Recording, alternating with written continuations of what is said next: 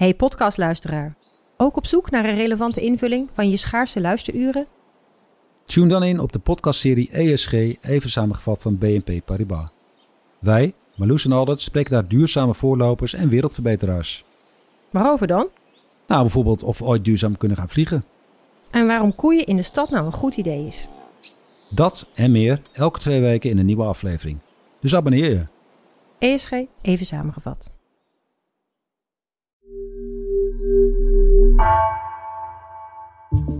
Vanaf de redactie van NRC het verhaal van vandaag. Mijn naam is Gabriella Ader.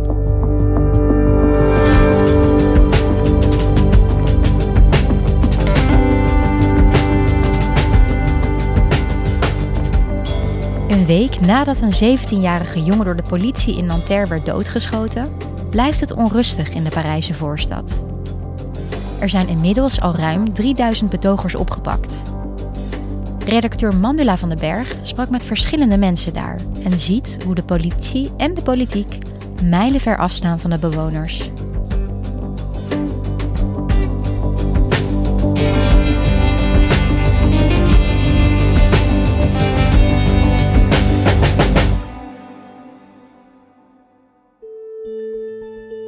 Mandela, jij bent net terug uit Frankrijk. Uh, ja, wat heb je daar gedaan? Ja, afgelopen vrijdag ging ik naar Nanterre. Dat is de Parijse voorstad waar vorige week de 17-jarige Nahel is doodgeschoten door de politie. En uh, ik ging daarheen om een kijkje te nemen hoe het eraan toe ging in die buurt. Dus samen met een fotograaf en een vertaler vertrokken we vanaf Gare du Nord, vanaf het treinstation richting Nanterre. Maar de dichtstbijzijnde metrostation daar was afgesloten. We moesten één stop uh, eerder uitstappen. En dat is La Défense. Het is een extreem dure zakenwijk, moet je je eigenlijk voorstellen. Dus je komt daar onder de grond uit. En het zijn allemaal wolkenkrabbers, alles is glas, alles glanst. Um, allemaal hippe mensen met aktentassen die daar uh, rondtrippelen. En vanuit daar liepen we dus een kleine 20 minuten richting Nanterre. En als je daar aankomt, dan is het eigenlijk direct een totaal andere wereld. In de verte zie je dus nog die torens van dat zakendistrict. Maar je ziet ook al de torens van de Cité Pablo Picasso. Dat is een, een wijkje dus in de voorstad Nanterre. En dat is ook de plek waar de afgelopen week het hart van de rellen was.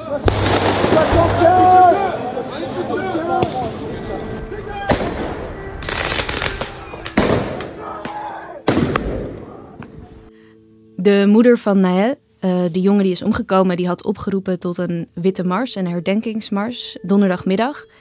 Dat was op veel plekken, maar de grootste was in Nanterre.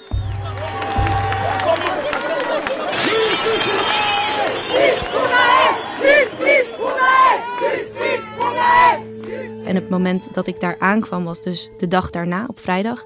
En van donderdag op vrijdag waren ook de heftigste rellen tot nu toe. In verschillende Franse steden was het vannacht weer onrustig. Er zijn bijna 700 mensen opgepakt.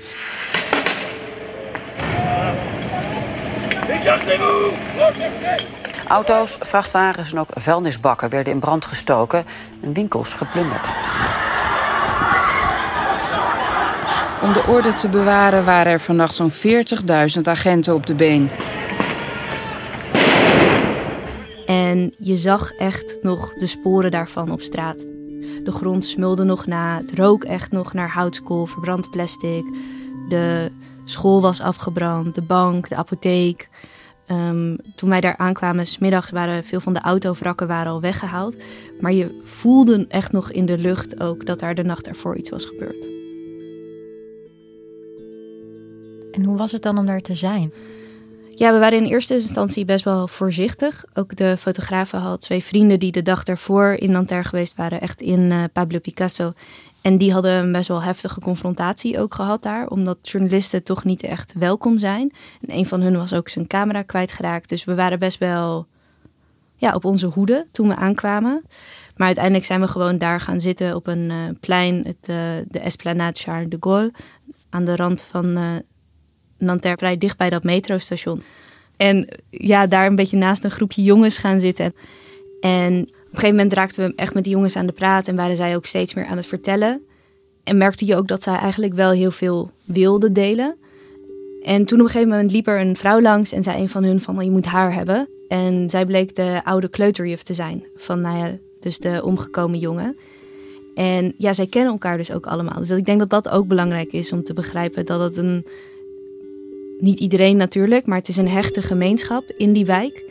Ver weg van andere dingen. Dus ondanks dat het zo dicht bij dat zakendistrict is, vrij dicht bij Parijs, vijf minuten je bent in het centrum, voelt het toch als een andere wereld. Zeker voor de mensen daar.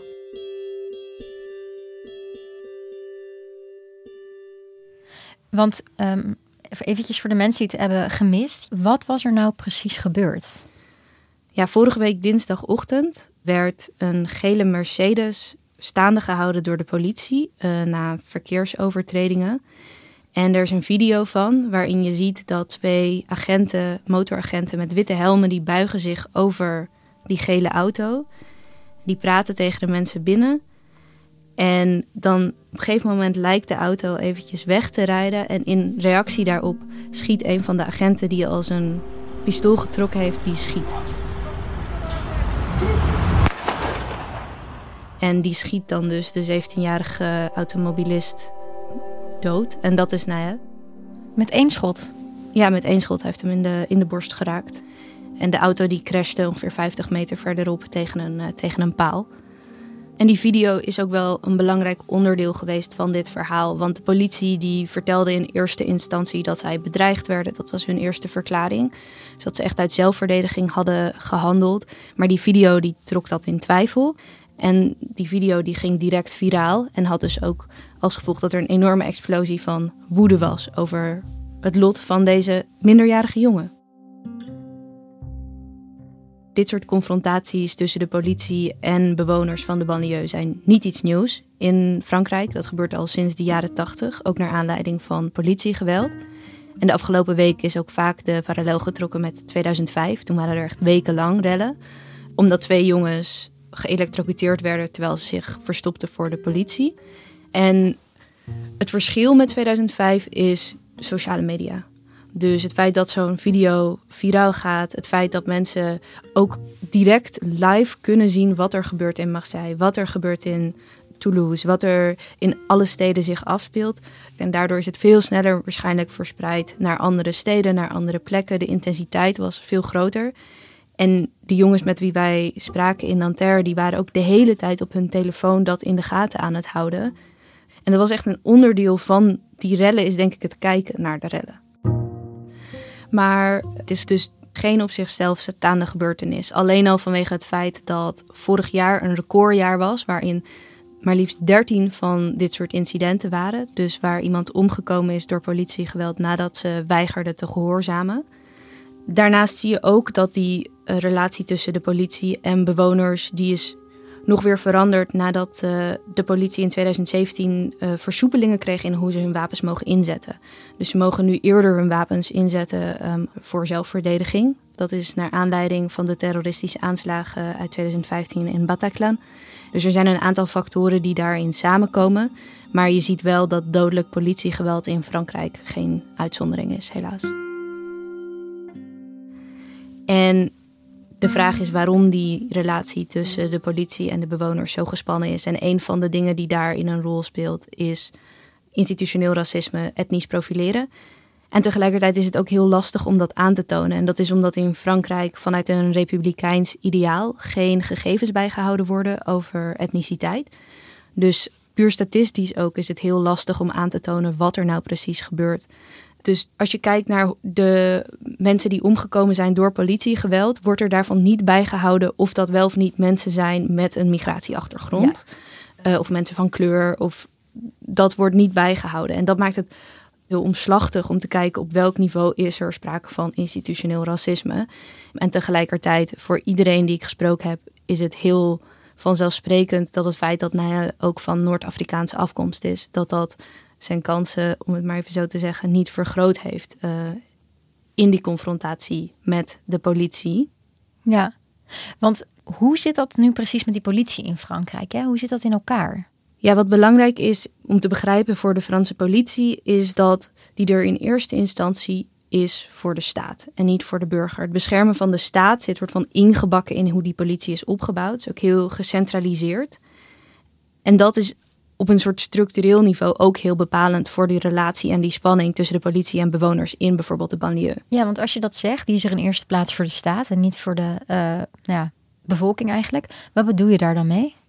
Nou, wat heel typerend is, is denk ik dat uh, Sarkozy, de, een oud-president van Frankrijk, toen hij nog minister van Binnenlandse Zaken was, is hij begonnen met hervormingen in de politie, waarbij hij echt heel actief bijvoorbeeld wijkpolitie heeft afgeschaft. Dus het idee van een politieapparaat dat dicht bij de burger staat, dat persoonlijke relaties heeft met de buurt, dat daarbij hoort, dat is actief afgebroken. En op een gegeven moment heeft hij in uh, Toulouse ook uh, gezegd van de politie is er niet om te rugbieën met jongens op straat. De politie is er om onderzoek te doen, te arresteren. Dus het is een heel andere focus in het doel van de politie. En dat is later wel geprobeerd om dat weer terug te draaien. Maar na de terroristische aanslagen die net ook al voorbij kwamen, ging de focus weer richting terrorismebestrijding. Dus dat hield eigenlijk weer tegen dat dan dus weer die wijkpolitie opgebouwd zou worden. Dat de politie weer dichter bij de burger zou komen. Klinkt voor mij een beetje als een soort visieuze cirkel. Hè? De politie wordt stelselmatig uit de wijken geduwd. Ja, inderdaad. Ja, je haalt de politie uit de wijk en waardoor de afstand letterlijk en figuurlijk groter wordt tussen burgers en politie. En waardoor er misschien ook wel dingen sneller uit de hand lopen.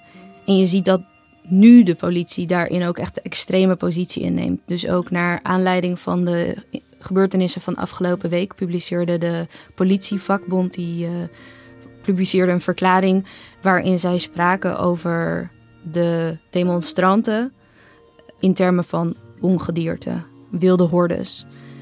En tegelijkertijd geldt dat natuurlijk echt niet voor alle agenten. Ik denk ook een van de dingen die terugkwamen in gesprekken die ik gevoerd heb in Nanterre, is ook dat de politie ook moe is. Die zijn ook bang. Die hebben ook, er zijn al maanden protesten in Frankrijk ook over de pensioenen. Dus het is, er is ook een soort vermoeidheid bij de politie, die misschien ook wel weer heeft gezorgd voor een nieuw soort ontvlambaarheid.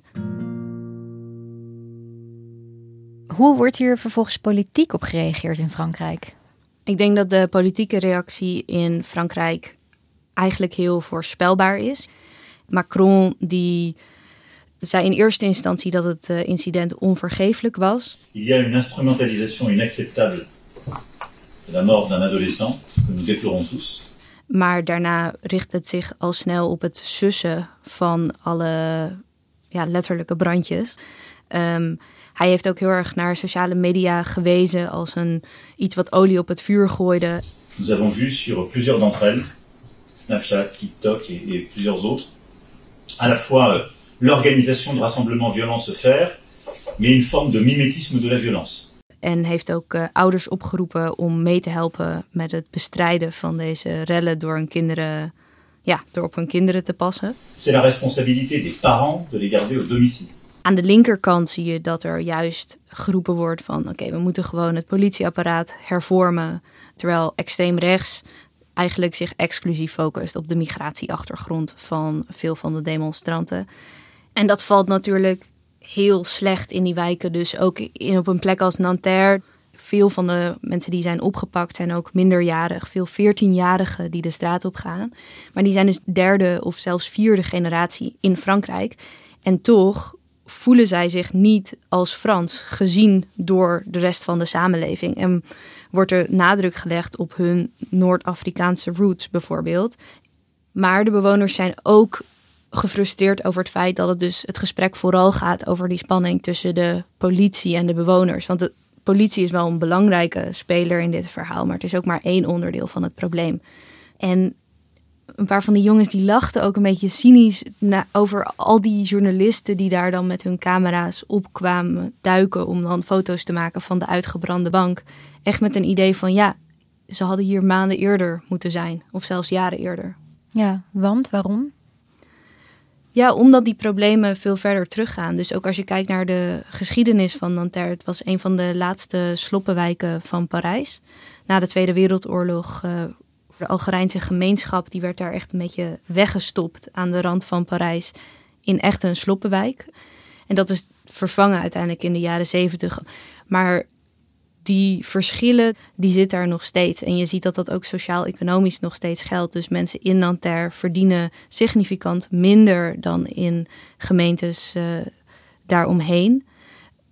Er wordt niet geïnvesteerd in de wijk ook. Dat is ook iets wat de hele tijd terugkwam in gesprekken. Dus ook als je die rijke zakenwijk ziet, die in de afgelopen jaren geëxplodeerd is met allemaal chique appartementen. Er is net een nieuw stadion neergezet. Dat is een vijf minuten loopafstand. En die jongens die zeggen ook van ja, en hier is 15 jaar is niks veranderd. Dus in elk geval uit hun perspectief voelt het alsof zij totaal niet serieus genomen worden. Alsof er niet in hun geïnvesteerd wordt. En de vraag is waarom dat dan is. Ik sprak ook iemand, een onderzoeksjournalist die ook uh, veel geschreven heeft over de banlieue.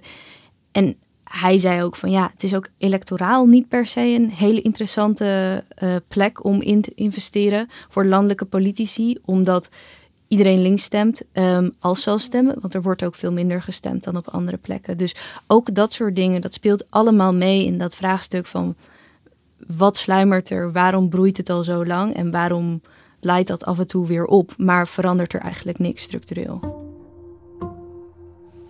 En die protesten en rellen hè, zijn nu een week bezig. Ja, is er een zicht op hoe daar misschien een einde aan kan komen? Ja, het is de vraag hoe lang het door zal gaan. Je ziet dat nu de afgelopen nachten het iedere nacht iets minder heftig is. Dus het lijkt nu langzaam een beetje ja, uit te doven. Um, en tegelijkertijd, iedereen die ik sprak was echt kwaad.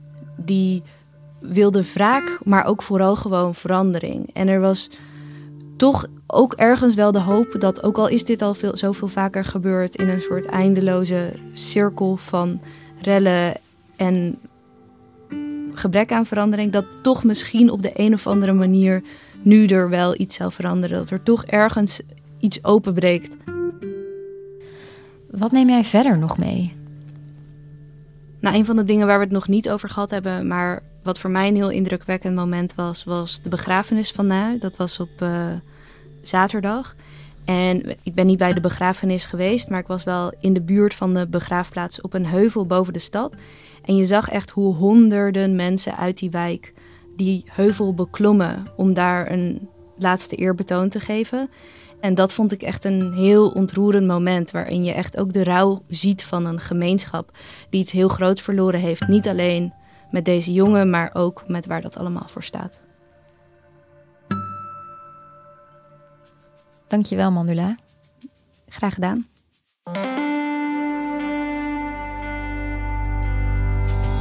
Je luisterde naar vandaag, een podcast van NRC. Eén verhaal, elke dag. Deze aflevering werd gemaakt door Anna Korterink, Iris Verhulsdonk en Ruben Pest. Coördinatie door Nina van Hattem. Dit was vandaag, morgen weer.